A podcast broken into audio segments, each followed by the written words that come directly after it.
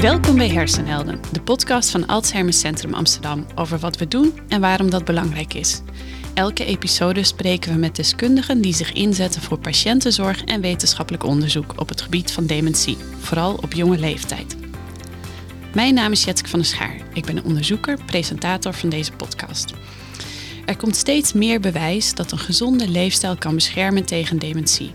Een paar weken geleden werd bekend dat een derde medicijn Alzheimer af kan remmen in een vroeg stadium. Daarmee wordt het steeds belangrijker om tijdig, nauwkeurig en gemakkelijk te bepalen wanneer het denkvermogen afneemt en in hoeverre een behandeling daar invloed op heeft. Hoe kunnen we dat doen met minimale belasting voor patiënten en de zorg? Onze gasten van vandaag zien daar digitale kansen. Sietske Sikkes is neuropsycholoog, epidemioloog en universitair hoofddocent aan de Vrije Universiteit Amsterdam en Alzheimer Centrum Amsterdam. Het is haar missie om instrumenten te ontwikkelen waarmee ze het denkvermogen, functioneren en gedrag kan meten, om het ontstaan en verloop van dementie te kunnen volgen. Ze maakte onder meer de IADL-vragenlijst die wereldwijd wordt gebruikt in onderzoek. En om in verbinding te blijven staan met de praktijk, verplaatst ze iedere maandag haar werkplek naar het verpleeghuis in Overspaarne. Naast haar zit Rosanne van den Berg. Zij is master in de linguïstiek en als promovenda in Alzheimer Centrum Amsterdam doet ze onderzoek naar de eerste subtiele veranderingen in spontane spraak bij mensen met Alzheimer-eiwitklonters in het brein. Sietske en Rosanne, welkom in de show. Dankjewel. Dankjewel. Sietske, jij houdt je al een jaar of twintig bezig met het traceren van de eerste veranderingen in het denkvermogen. En een tijdje geleden merkte je in je eigen omgeving hoe ontzettend moeilijk dat is toen jouw schoonmoeder ziek werd. Kun je daar iets over vertellen? Ja, ja dat, uh, dat kan ik inderdaad wel vertellen. Ik, ten eerste denk ik, wauw, 20 jaar, uh, wat lang. Uh, dat gevoel heb ik helemaal niet. Dus dat is denk ik een reflectie van hoe ontzettend leuk ik het vind om hiermee bezig te zijn. Um, maar inderdaad, ik merkte zelf hoe ontzettend lastig dat was uh, toen mijn schoonmoeder klachten kreeg over haar geheugen. En ik merkte dat ik, ook al ben ik dan eigenlijk Alzheimer-onderzoeker, dat het dan toch wel heel erg lastig was om er grip op te krijgen van wat er nu precies misging. Want iedere keer als wij er waren op bezoek kwamen, dan, ja, dan ging het eigenlijk best wel goed. Um, nou ja, ik, ik, weet er natuurlijk veel van, dus ik ging eigenlijk heel veel informatie geven. Um, maar waar ik achteraf eigenlijk achter kwam, was dat ik onvoldoende had geluisterd naar wat was nou eigenlijk het probleem en wat gaat er nu eigenlijk precies mis. Um, ja, en dat we, dat we eigenlijk pas later achterkwamen van, oh, het gaat inderdaad niet goed. Um, maar dat ik, ik vond het opvallend dat ik dat zelf als, als onderzoeker dus eigenlijk helemaal niet door had. Doordat, het, doordat ik eigenlijk niet goed luisterde. Ja, want ze leken zelf dus wel iets in de gaten te hebben, jouw ja. schoonfamilie. Waarom is het zo, zo moeilijk om het op te merken, denk je? Um, ja, daar zijn eigenlijk meerdere redenen voor. Want het eerste is natuurlijk dat die allereerste veranderingen ook heel subtiel zijn. Dus dat de omgeving dat niet altijd meteen opmerkt.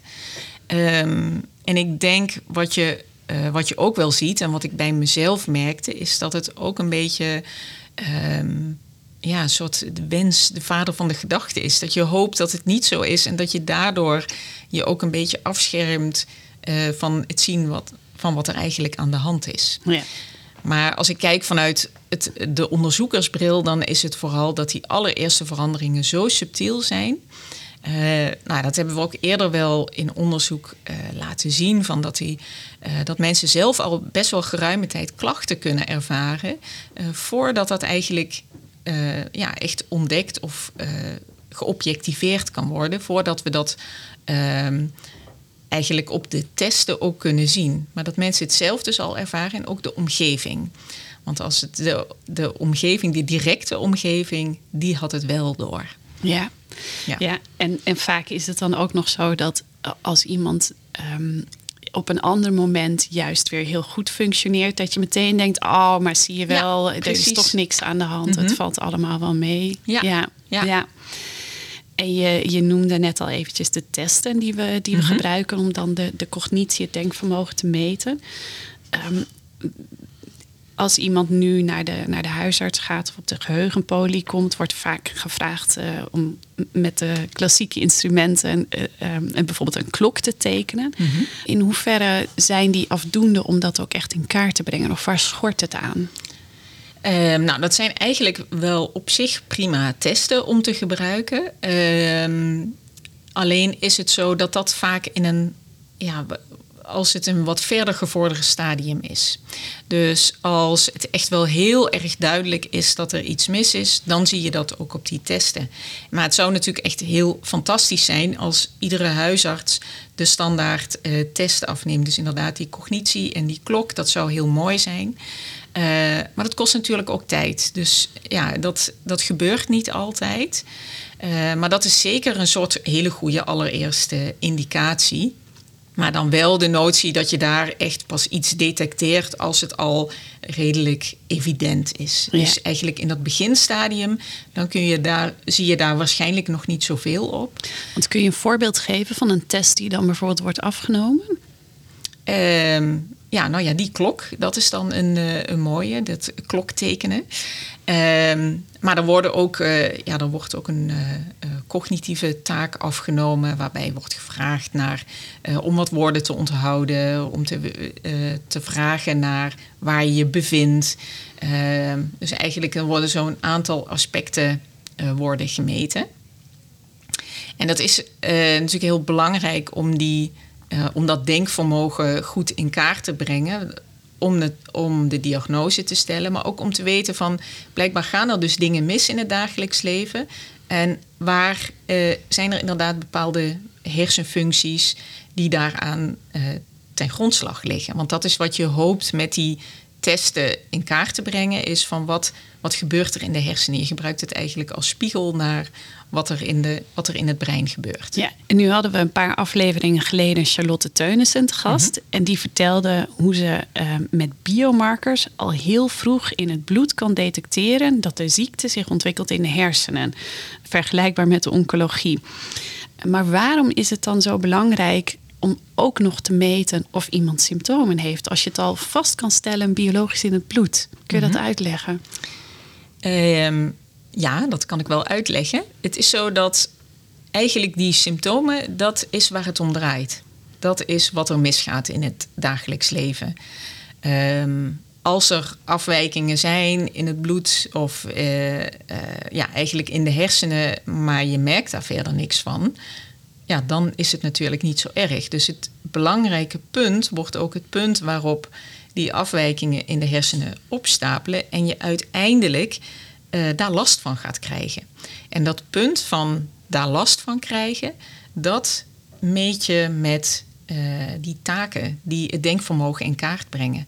Dus dat enerzijds, dus om, om heel goed te weten van wanneer is nou het punt dat, uh, dat je daar last van gaat krijgen. Anderzijds heb je ook als je bijvoorbeeld behandelingen gaat krijgen, of bijvoorbeeld aan preventie gaat doen, denk aan leefstijlpreventie, dan wordt dat punt ook heel belangrijk.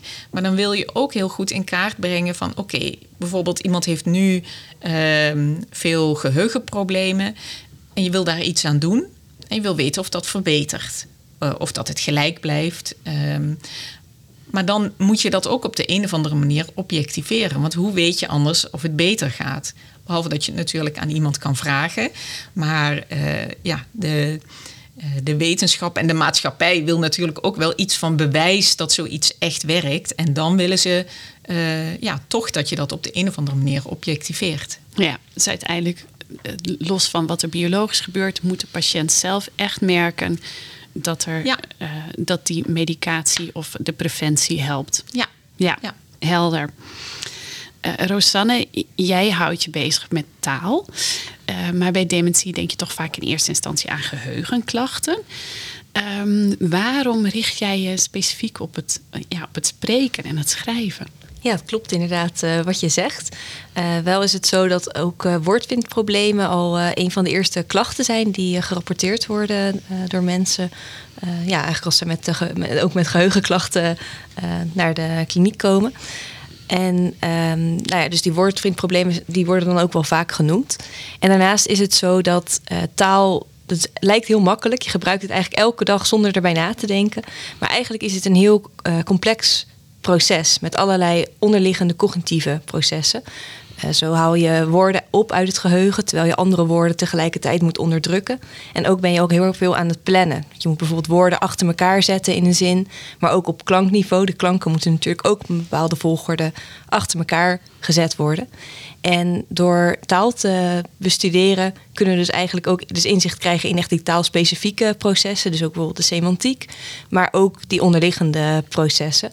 In, uh, in ja, eigenlijk grotere cognitieve processen die ten grondslag liggen aan die taal. Ja, zou je dan kunnen zeggen dat het de kanarie in de kolenmijn is? Ja, in zekere zin wel. Want ja, je zou kunnen zeggen dat eigenlijk door, als je ziet wat er in de taal misgaat, dat dat dan toch ook iets zegt over wat er dus onderliggend cognitief misgaat. Ja. ja. We hebben het in deze podcast al eerder gehad over president Reagan, die in 1994 in een brief aan het Amerikaanse volk liet weten dat hij de ziekte van Alzheimer had. Uh, dat was toen een heel belangrijk moment dat hij daar zo open over was, omdat hij daarmee ook echt het, het onderwerp op de kaart heeft gevraagd en heel veel aandacht voor heeft geëist. Maar vijf jaar nadat hij zijn ambt had neergelegd, uh, kreeg hij dus de diagnose van zijn dokters. Maar jij vertelde dat er achteraf al eerder wat um, ja, veranderingen leek te zijn. Ja, klopt. Uh, het is inderdaad, uh, dus na zijn presidentschap is uh, inderdaad de diagnose gesteld. En met terugwerkende kracht hebben onderzoekers toen transcripties geanalyseerd van persconferenties. Uh, waarin zijn spraak uh, nou, dus geanalyseerd kon worden. En daarin hebben ze gekeken naar zijn spontane antwoorden op vragen van journalisten. Dus ze hebben eigenlijk de scripts die echt van tevoren geschreven waren, die hebben ze eruit geknipt. En dus alleen die spontane spraak is toen bekeken. En ze hebben uh, persconferenties teruggekeken van 1981 tot, tot 1988. Dus over een best een grote periode. En daarin hebben zij gekeken van, nou is die spraak, is die eigenlijk verarmd of niet? En uh, ter vergelijking hebben ze ook gekeken naar transcripties van persconferenties van uh, president George Bush. Om te kijken, nou, want hij is natuurlijk gezond. Uh, en uh, om te kijken of, of, ze daar verschillen tussen kunnen vinden. En zij vonden dat in de spraak van Reagan dat die minder complex werd over de tijd. Dus hij gebruikte bijvoorbeeld meer fillers, zoals pauzes, um, of ook nou, zo. en ook um, werden er meer niet-specifieke woorden uh, in zijn spraak aangetroffen. Dus meer uh, ding, anything, something. Uh, dus meer ja, niet specifiek dan, dan specifiekere woorden. En dat werd dus over de tijd heen werd dat minder. Terwijl bij George Bush hebben zij niet die achteruitgang gezien in de spraak. Ja, en vanaf wanneer was dat, zei Vanaf 1988? Ja, 1981 tot 1988. Ja, Dus dat is, uh, in 1994 is volgens mij uh, die diagnose gesteld. Dus dat is inderdaad met terugwerkende kracht zie je toch dat uh, daarvoor ook al ja, veranderingen in de spraak op lijken te treden. Ja, ja, dat was nog heel subtiel. Kun je dan ook zeggen dat hij toen eigenlijk al dementerend was en misschien dan niet meer geschikt om president? Of ga je dan te ver? Ja, dan ga je denk ik uh, te ver. Ja, ja het, uh, het is eigenlijk zo dat uh, dus voordat die, die, die stoornissen er echt zijn, dus echt op stoornisniveau, uh, dat, dat wordt eigenlijk dus met neuropsychologische tests bijvoorbeeld uh, gemeten. Dan wordt er gekeken van nou score je nog binnen de norm of, of, of niet meer. En als we kijken naar die spraak, dan kijken we eigenlijk veel subtieler. Van ja, je kan wel verwachten dat er voorafgaand aan een diagnose, dat er toch al jaren wat aan de hand is. En dat dat eigenlijk geleidelijk uh, dat er daardoor steeds meer uh, veranderingen ook al wel optreden, maar nog niet op stoornisniveau aan ja. het begin. Zou het aannemelijk zijn dat hij tijdens zijn presidentschap eigenlijk nog gewoon binnen die norm presteerde? Ja. En, en dus eigenlijk gewoon prima functioneerde, maar dat, uh, ja, als je er heel goed naar kijkt, dat hij toch al wel iets achteruit leek te gaan. Ja, precies. Ja, ja. En iets vergelijkbaars was ook bij een schrijver aangetoond, hè? bij Iris Murdoch ja, ja klopt. Uh, zij heeft uh, verschillende romans uh, geschreven. En kort na de publicatie van haar laatste roman is bij haar ook de diagnose Alzheimer gesteld. En hierbij hebben ook onderzoekers gekeken of ook in die romans of daar al een, een verandering in die schrijfstijl te zien is. En hiervoor hebben ze drie romans vergeleken. Ze hebben gekeken in haar eerste roman uit 1954, tweede roman 1978 en haar laatste roman uit 1995, wat dus gepubliceerd is kort voor haar diagnose. En zij vonden dat in de laatste roman uh, dat daar ja, het minst aantal unieke woorden en ook een uh, minder grote variatie in woordgebruik uh, zat dan in die andere romans die dus jaren daarvoor waren geschreven. Dus dat lijkt toch ook dat in die laatste roman, dus kort voor die diagnose, dat je daar ook in de schrijfstijl uh, eigenlijk ja, kenmerken kon zien ja, door, de, door de ziekte. Ja, en het was bij haar ook iets minder subtiel, hè? Want ik begreep dat die, dat laatste boek ook minder goed ontvangen ja, klopt. Ja, ja, de recensies waren daar inderdaad niet, niet, niet zo goed van. Nee, wat dan achteraf misschien te verklaren is. Want ten tijde van die publicatie wisten ze dat natuurlijk nog niet. Dus goed opge, opgevallen door de recensenten, denk ik dan. Ja, ja goede cognitieve screening. Ja, precies. ja. Um, nu is van deze twee mensen natuurlijk uh, heel veel geschreven taal uh, bewaard gebleven. Uh, dat, dat geldt voor de meeste gewone stervelingen natuurlijk niet. jij richt je in jouw onderzoek op uh, spontane taal. kun je uitleggen wat jij precies doet? Ja, eigenlijk uh, ja, in, in, ons onderzoek willen we onderzoeken of we in de vroegste stadia van de ziekte van Alzheimer, of we daar al die eerste subtiele taalveranderingen kunnen meten. En dat doen we dan door uh, gebruik te maken van een app die je kunt downloaden op de smartphone of op de tablet. En in deze app die bevat eigenlijk verschillende spraakopdrachten, zoals het beschrijven van een plaatje of een vraag beantwoorden van nou, wat heeft u op uw laatste vakantie gedaan. En deze spraak wordt dan opgenomen op de tablet of de smartphone. En vervolgens kunnen wij deze spraak analyseren door naar heel veel verschillende kenmerken te kijken, die je eigenlijk met het blote oog niet zou kunnen waarnemen. Dus je kunt hierbij denken aan uh, spreeksnelheid of het gebruik van pauzes. Uh, ook de uh, toonhoogte waar, waarop gepraat wordt.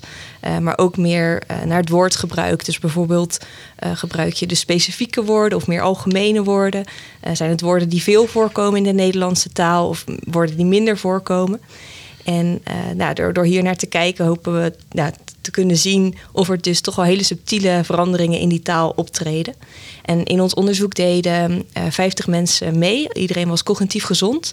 En de helft van deze mensen had wel al um, ja, het amyloïd-eiwit was wel in de hersenen aanwezig en bij de andere helft niet. En we zijn nu bezig met de analyses. Uh, en heel voorzichtig kan ik wel zeggen dat, uh, nou, dat we eigenlijk vinden dat de mensen die die amyloïd-eiwitten al in de hersenen hebben, dat zij meer gebruik maken van die pauzes dan de, de gezonde mensen. Dus dat lijkt toch ja, heel subtiel.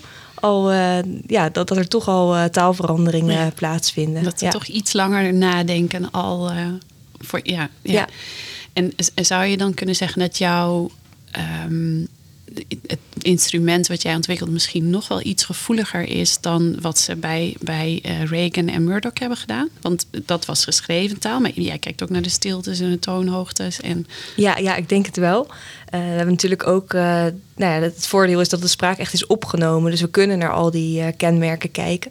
Terwijl in de, ja, die andere twee onderzoeken van Reagan en Murdoch waren het allemaal transcripties. Dus dan kun je ook al, was ook al een vernieuwende manier om, om eigenlijk naar die spraak te kijken. Door echt meer de diepte in te gaan wat betreft talige kenmerken.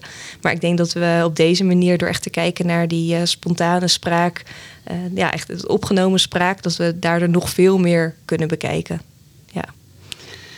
Sietske, eh, dit gaat natuurlijk vooral over taal en spraak. Mm -hmm. Maar jij ziet veel meer kansen ja. in het uh, digitale terrein. Ja. kun je een aantal andere voorbeelden noemen? Ja, zeker. Uh, ik denk wat ik nog even als aanvulling wil zeggen, wat natuurlijk zo ontzettend gaaf is aan het onderzoek van Rosanne, is dat uh, je inderdaad op zoveel manieren naar taal kan kijken, wat je normaal als neuropsycholoog uh, krijg je eigenlijk maar een heel klein gedeelte mee. Uh, wat hier fijn bij is, is dat je um, ja, eigenlijk veel meer de diepte ingaat en veel meer aspecten van taal kan analyseren.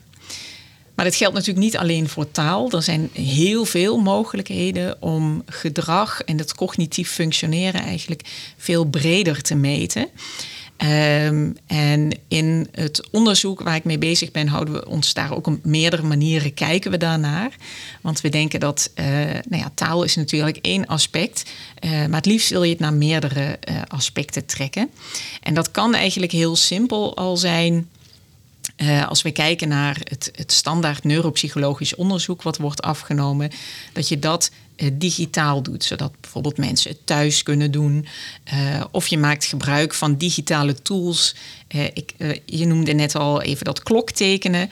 Nou, dat, dat is een taakje, maar je kan ook met, er is ook een soort digitale klok, waarbij uh, eigenlijk allerlei aspecten van dat tekenen van die klok worden uh, vastgelegd. Dus dan gaat het ook om de snelheid waarmee je dat doet, uh, op welke manier je dat doet, zodat je iets meer ziet over de planning. en zo kunnen er ehm, meer aspecten van die klok kunnen worden meegenomen. Dus dan gaat het niet om het uiteindelijke resultaat, ehm, maar ook de weg daar naartoe. Dus je legt eigenlijk extra informatie vast. Um, nou, andere aspecten uh, zijn dat je natuurlijk die, die testen kunt vervangen door een soort digitale uh, versie van die testen. Uh, maar je zou ook dingen meer passief kunnen meten op een manier dat je het niet echt door hebt. nou, Rosanne is dat natuurlijk eigenlijk al, hè, want daarbij meet je de, de spraak, maar daar zit wel een soort taak aan. Je, moet, je krijgt een vraag en die ga je beantwoorden. Ehm, maar je zou ook gebruik kunnen maken van de technologie die je toch al gebruikt in je alledaags leven om uh, dingen te monitoren, als het ware. En dan kom je bij dat passief monitoren. Uh, en een van de onderzoeken waar we aan werken zijn uh, waarbij er passief wordt gemonitord het mobiele telefoongebruik. En dan gaat het specifiek om het typgedrag op je mobiele telefoon. Um, en daar zijn uh, eerder al uh, mooie resultaten uh, voor gevonden in de context van multiple sclerose en dat dat samenhing met cognitie.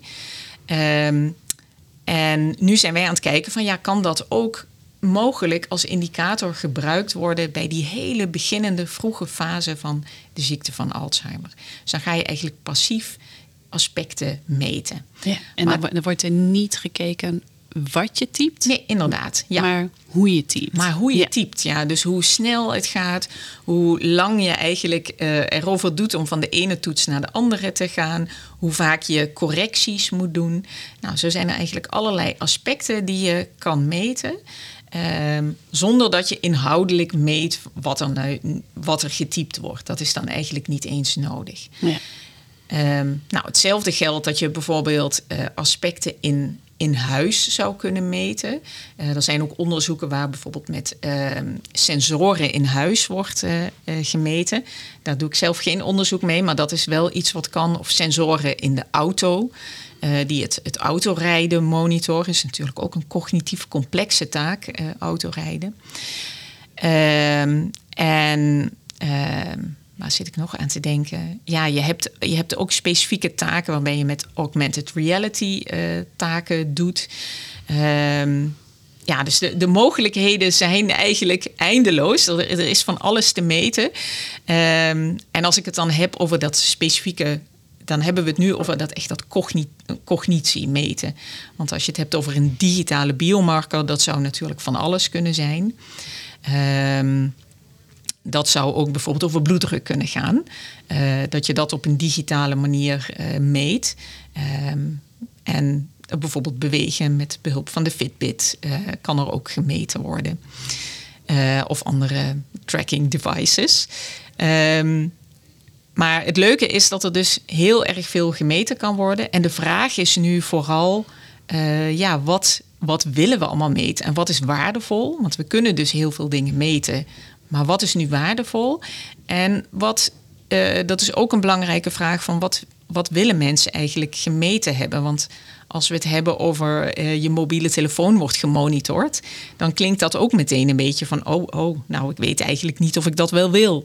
En uh, dat is ook een beetje ehm, Big Brother-achtig dat van alles van je gemonitord wordt.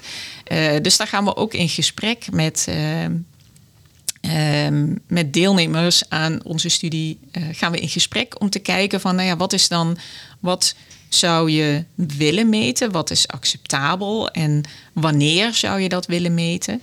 Uh, want dat zijn eigenlijk hele belangrijke vragen. Er wordt superveel ontwikkeld. Ja, de mogelijkheden zijn eindeloos. Um, maar het komt uiteindelijk ook neer op wat willen we nu eigenlijk meten. Ja, want je zou kunnen zeggen de sky is the limit. Want Mhm. we, we verzamelen allemaal bakken met data, met een smartwatch en, een, en een iPhone en Ja. alle digitale techniek in de auto, in het huis. Ehm, je kan die data makkelijk opslaan en makkelijk delen.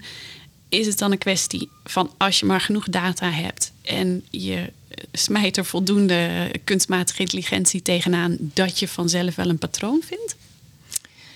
Ehm, nou, misschien, misschien wel, maar ook weer niet. Want eh, als ik denk aan eh, eigenlijk zoveel mogelijk data, dan, eh, ja, dan heb je ook heel veel gegevens nodig. Van heel veel mensen wil je dat goed kunnen vinden. En als je het hebt over die digitale markers, dan loop je ook wel tegen een hoop uitdagingen aan. Ehm, en één concreet voorbeeld is eh, dat eh, mensen op oudere leeftijd bijvoorbeeld eh, vaak een mobiele telefoon delen samen met iemand anders. Dus dan ben je typgedrag van twee personen aan het meten in plaats van één persoon.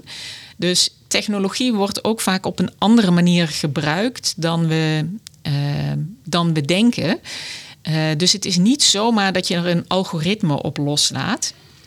Eh, omdat je heel goed moet weten waar je data vandaan komt. Eh, dat is een eerste. En van wie je data komt. Maar ten tweede denk ik ook, willen we er iets mee kunnen doen, dan moet de data ook betekenisvol zijn. Dan moet het iets zeggen over wat er inderdaad in de hersenen gaande is. Dat, en dat willen we onderzoeken door, eh, ja, door eigenlijk validatiestudies uit te voeren, zodat we weten van ja, het, het meet iets wat relevant is en het meet iets wat betekenisvol is. Eh, zeker als we het hebben ehm, ja, over een eh, random algoritme, als we het hebben over inderdaad artificial intelligence, dan, ja, dan is het ook natuurlijk, wordt ook altijd gezegd, garbage in, garbage out. Dus je moet heel erg op letten wat erin gaat en wat er uitkomt. Eh, en daar moet je ook kritisch over blijven nadenken. Dus dat, ehm, nou ja, dat is natuurlijk het leuke aspect van dit onderzoeken, is dat je daar heel erg over gaat nadenken. En eh, wat ik zei, dus ook echt in gesprek met de mensen die het gaan gebruiken. Ja. En in hoeverre kan zo'n test, en ik kijk een beetje naar jullie allebei, ehm, omgaan. eh, en dan ga ik even terug naar de, het, onderzoek van Rosanne. In hoeverre kan zo'n taaltest omgaan met verschillende talen eh, of verschillende vormen van dementie? Of misschien wel gewoon verschillende individuen die sowieso al een heel ander taalgebruik hebben. Ja, ik denk wat betreft eh, verschillende talen dat er eh, nou, sommige kenmerken zullen per taal hetzelfde zijn. Eh, en sommige eh, kenmerken zullen anders zijn natuurlijk per taal. Eh, dus het is ook wel belangrijk dat een app of een, een spraaktest, als die ontwikkeld wordt, dat het ook gevalideerd wordt in verschillende talen. Eh, en dat dat niet eh, één op één over te nemen is. Eh, wat betreft het individu, ja, het is natuurlijk zo dat iedereen heeft eigenlijk zijn, ja, heeft een eigen kenmerkende spraak. En ehm, nou, het, voordeel eigenlijk van een spraaktest via een app, die dus ook vanuit huis gedaan kan worden, is dat die minder belastend is eh, voor de patiënt of voor een deelnemer. En daardoor kan het vaker herhaald worden. Eh, dus het idee is ook wel om eh, ja, dat, dat eigenlijk dat je jezelf met jezelf kunt vergelijken. Dus ga je zelf achteruit over de tijd in je taal of niet. Dus dat is eigenlijk de manier waarop je daar mee om kan gaan. Ja. Maar, maar niet bij iedereen beginnende klachten met taal. Hoe ga je daarmee om? Want in- je, je, je kan daarmee niet detecteren dat iemand misschien veel moeite heeft met, met navigeren of met het geheugen. Ja, nee, dat is eh, zeker zo. En dat is ook ehm, waardoor ik denk dat het. eh, ja, taal is natuurlijk één aspect. Dus uiteindelijk willen we alle verschillende functies in kaart brengen. En daar zie je, verwacht ik dan ook dat je weer patronen in ziet die kenmerkend zijn voor een bepaalde vorm van dementie. Ehm, waarbij het. ehm, bijvoorbeeld juist meer met taalproblemen gepaard gaat, of juist minder, eh, dat dat in een latere fase komt. Mm, en nu zijn we eigenlijk dat eigenlijk nog heel erg in kaart aan het brengen van wat is er mogelijk, wat kunnen we, wat is er technisch mogelijk. Ehm, en de vraag over hoe zit het met verschillende vormen van dementie, dat ligt echt nog in de toekomst. Ja. Dus Ja. dat, eh, maar dat zijn zeker wel belangrijke vragen die we, ehm, ja, die we ook natuurlijk hopen te beantwoorden. Ehm, maar nu zitten we eigenlijk ja, vooral nog in de eh, testfase hiervan. Ja, dus het is echt nog, nog nieuwe technologie in een pril Ja. stadium. Ja. ja. Ja, ja zoals deze eh, taak, die is dan ook pas net naar het Nederlands, eh, inderdaad, wat je zegt. Want je vraag was ook inderdaad, hoe kan het omgaan met verschillende mensen en verschillende talen? En dat kan dus, maar daar zijn wel steeds eh, ontwikkelingen voor nodig. Ehm, en om de vraag die ik er ook even in hoorde was hoe kan het omgaan met verschillende mensen. Eh, wat we nu zien is dat veel deelnemers aan het onderzoek eh, heel erg geïnteresseerd zijn in digitale technologie. Ehm, en je wil natuurlijk uiteindelijk ook mensen bereiken die dat minder zijn. En het moet wel toegankelijk voor iedereen zijn. Dus daar zie ik ook wel een belangrijke uitdaging in. Dat het voor iedereen toegankelijk is. En niet alleen maar voor de mensen die er toevallig al heel veel affiniteit mee hebben. Ja, want als we eh, teruggaan naar het begin, dat we het hadden over het voorbeeld waar iemand en misschien zichzelf zorgen maakt. ehm, en naar een huisarts of geheugenpolie gaat en daar de, de klassieke cognitietest doet. En dus een klok tekent met de, de, de cijfers op de juiste plek en de goede tijd aangegeven. Ehm, als je dan kijkt naar belasting, hoe ervaren mensen dat soort tests? Eh, ja, daar hebben we een onderzoek eh, naar gedaan. Eh, en dat hebben we vooral gedaan in.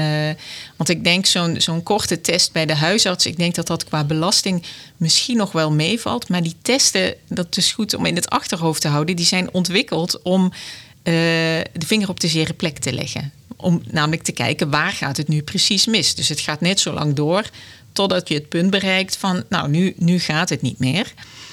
En wat we zien is dat dat vooral belastend is ehm, op het moment dat dat vaker wordt gedaan. Dus eh, de, het onderzoek wat wij hadden gedaan was bij mensen die hadden eh, meegedaan aan eh, medicijnstudies, waarbij er meerdere keren zo'n uitgebreid neuropsychologisch onderzoek wordt eh, afgenomen. En daar zagen we dat ze dat wel als echt heel erg belastend ervaren. Want eh, ja, dat voelt toch een beetje als dat je op de pijnbank wordt gelegd. En ehm, ja, dat er steeds wordt eh, eh, ja, nog een moeilijker taakje en, en nog iets eh, lastigers. Eh, dus en daar hebben we gekeken van, nou, dan worden allerlei verschillende onderzoeken gedaan. Daar wordt ook een PET-scan gedaan of een lumbaalpunctie. Maar het neuropsychologisch onderzoek was wel een van de meest belastende aspecten van zo'n heel bezoek. Dus eh, je ziet zeker op het moment dat dat vaker gedaan wordt, eh, dat dat echt wel een heel belastend onderdeel is. En dat mensen het ook echt niet, niet leuk vinden om dat eh, te ondergaan. Ja, ja, want ze merken natuurlijk zelf ook. Ja. hier, dit, Ja. dit gaat niet meer goed. Ja, precies, ja. ja. En Rosanne, jij neemt dan die spontane spraak op. Krijg jij van, van onderzoeksdeelnemers terug wat ze daarvan vinden, hoe ze dat ervaren? Van de onderzoeksdeelnemers gaven inderdaad terug dat eh, ze eigenlijk voelt het niet als een test, heb ik eh, veel eh, gehoord. Eh, het is gewoon even, even praten en eh, ja, het wordt opgenomen, maar het voelt niet, eh, in die zin niet belastend. Ehm, ook vonden mensen het fijn dat ze het vanuit huis kunnen doen. Eh, je bent dan natuurlijk alleen en eigenlijk er, let niemand direct eh, op je. Dus dat zou misschien, ook wel kunnen bijdragen aan het eh, dat het wat minder als belastend of als getest voelen voelt. Eh we merkten wel eh, van een aantal deelnemers ook dat ze eh, wel privacy natuurlijk noemden. Want ja, je, praat toch en je spraak wordt opgenomen. En ik denk in, bij onze test die wij hebben gebruikt specifiek, ja, hebben we daar eigenlijk ook voor gezorgd dat, dat er niet, er wordt niet direct geluisterd naar wat mensen zeggen. Dus er wordt echt veel meer naar die kenmerken gekeken. Dus dat nou ja, is in ieder geval minder privacygevoelig. Maar ik denk dat het wel een heel belangrijk punt is en eh, dat we daar ook voor blijven moeten waken dat inderdaad die privacy gewa- gewaarborgd blijft. Ja, ja. Ja. want zeker als mensen ziek worden, zijn ze misschien ook wat minder goed in staat om zelf het onderscheid te maken tussen wat ze dan willen vertellen in hun telefoon en, en wat ze beter voor zichzelf kunnen houden. Ja, ja, dat kan ik me voorstellen. We hebben het natuurlijk heel veel over praten en versprekingen, stopwoorden, us. Dat doen we allemaal. Ik hoor het mezelf ook zeggen. Als luisteraars nou denken, ja, verdorie, dat, dat overkomt mij ook. Eh, ik heb ook wel eens dat ik niet goed uit mijn woorden kom. Wanneer is er reden om je zorgen te maken en actie te ondernemen? En wanneer zeg je, ja, dat hoort erbij, dat hebben we allemaal? Ja. Ja, het is grappig eh, dat je dat zegt, want ik zei vooraf al van op, iedere keer als we het hebben over het onderzoek van Rosanne en het gaat over taal en, en stopwoorden, dan uh, luister je even wat bewuster toch naar je eigen taal. Uh, dus dat heb ik iedere keer dat ik dan denk van, oh, nu zeg ik alweer uh. Maar ja, dat, dat gebeurt nu eenmaal. en dat hebben we allemaal. En het is, wat betreft je vraag over je er zorgen over maken, is goed om te weten dat de cognitieve functies met het ouder worden sowieso wel wat achteruit gaan. en de taal ook, toch, Rosanne? Ja, ja. zeker. En ehm, dus dat, uh, dat is een aspect wat ook gewoon hoort bij het ouder worden. Um, en ik denk even aan bijvoorbeeld het geheugen, dat iedereen het kent van niet op de naam van iemand kunnen komen.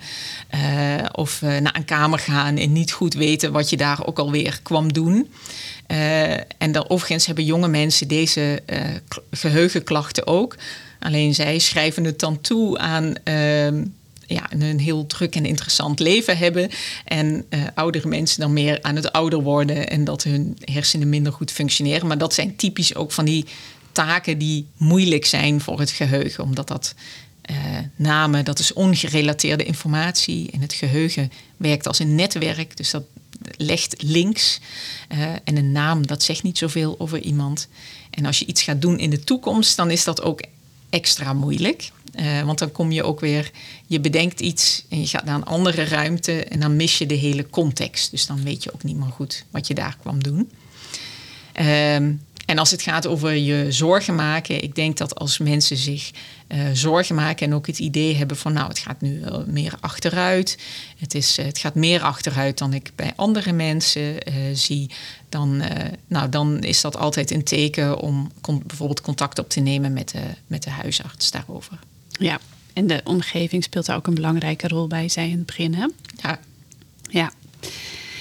Uh, we vragen in deze podcast uh, ook altijd aan onze gasten: wat is het belangrijkste dat je van je werk met dementie of van mensen met dementie hebt geleerd? Ja, ik vind het uh, wel heel mooi. In het, eigenlijk ons onderzoek hebben we natuurlijk veel de deelnemers meegedaan. En ik vind het heel mooi om te merken dat zij ook voldoening eruit halen om mee te doen aan onderzoek. En uh, ik vind het heel belangrijk om met elkaar ook echt in gesprek te gaan. Want je merkt toch door met elkaar in gesprek te gaan dat je ook input mee kunt nemen vanuit deelnemers in het onderzoek. En uh, op die manier kun je wel ergens naartoe werken wat echt in de praktijk gebruikt kan gaan worden. En dat is uiteindelijk natuurlijk wel waar we het voor doen. Ja, want jij gaat ook nog een focusgroep organiseren voor jouw studie om ja, te horen wat mensen zelf ervan vinden, wat ze willen, wat ze niet willen, om nog beter aan te kunnen sluiten op de wensen ja, van de mensen waar het uiteindelijk over gaat. Hè? Ja, dat klopt. Ja. We willen echt gaan kijken inderdaad van nou, wanneer willen mensen wel zo'n digitale tool, dus zoals een app, een spraakapp of een andere app gebruiken. En wat zijn eigenlijk uh, belemmeringen die ervoor zorgen dat dat uh, minder, ja, dat, dat, dat mensen dat minder graag willen. Of wat, wat zorgt ervoor dat ze dat juist wel willen. Ja. ja. En jij, Sietke? Ja, ik. Uh eigenlijk uh, sluit dat wel heel erg aan op, uh, op het onderzoek wat ik doe. En dat is uh, nou ja, natuurlijk ook wat ik dan persoonlijk heb ervaren, is hoe belangrijk eigenlijk die, die beleving is van, van mensen met de ziekte van Alzheimer of andere vormen van dementie. Maar hoe belangrijk het is dat we daar goed naar luisteren. En ik denk, uh, spreekt natuurlijk veel onderzoekers, waarbij ook inderdaad wordt gedacht van ja, zodra je bijvoorbeeld een, een testje hebt, weet wat er, of een, een scan kunt maken of een bloedtest, dan, dan zijn we er. Maar ik denk dat aspect, dat vind ik echt zo belangrijk. En heb ik dus zelf ervaren dat ik dat ook inderdaad nog onvoldoende deed. Maar ik denk juist die subjectieve bele beleving en wat er, um, wat er gaande is. Um, eh, met die cognitieve functies, dat vind ik juist heel erg belangrijk. En dat heeft het onderzoek mij ook wel geleerd van hoe ontzettend belangrijk het is. Uh, ook als we inderdaad focusgroepen doen, dat we horen van ja, dit is, dit is waar het voor ons om draait. En um, nou ja, dat is wel echt ook een hele belangrijke les. En waar ik me ook echt heel sterk voor uh, probeer te maken. Um, als mensen zeggen van ja, maar dit is maar een beleving, dan zeg ik maar ja, daar gaat het juist om. Die beleving is zo ontzettend belangrijk. Dus dat, uh, dat is een belangrijke les die ik meeneem. In deze podcast houden we ook elke episode een, uh, een stelling tegen het licht. En voor jullie heb ik de bewering in de toekomst kunnen we gewoon aan Siri of Alexa vragen hoe het met iemands cognitie is gesteld. Gaan we daar naartoe, waar of niet waar? Hoe kijken jullie daar tegenaan? Ik denk dat er steeds meer mogelijk is met uh, digitale middelen. Maar ik denk dat dat toch een stap te ver is. En dat er altijd een uh, heel beeld van iemand moet zijn voordat je echt een uh, diagnose kunt stellen. Dus dat dat niet op basis van één vraag aan Siri kan zijn. Nee. nee. nee, dat denk ik ook. En dat is ook inderdaad een belangrijke nuance. Er zijn dus inderdaad heel veel mogelijkheden qua digitale tools. Maar het zal nooit uiteindelijk ja, een, uh, de klinische onderzoek vervangen. En, en daar willen we denk ik ook niet naartoe. Ik moet ook even denken aan een heel soort futuristische wereld. Ik heb uh, een tijdje geleden het boek The Everything van Dave Eggers gelezen, waarin dat helemaal wordt uitgedacht hoe een toekomst die beheerst wordt door technologie eruit ziet.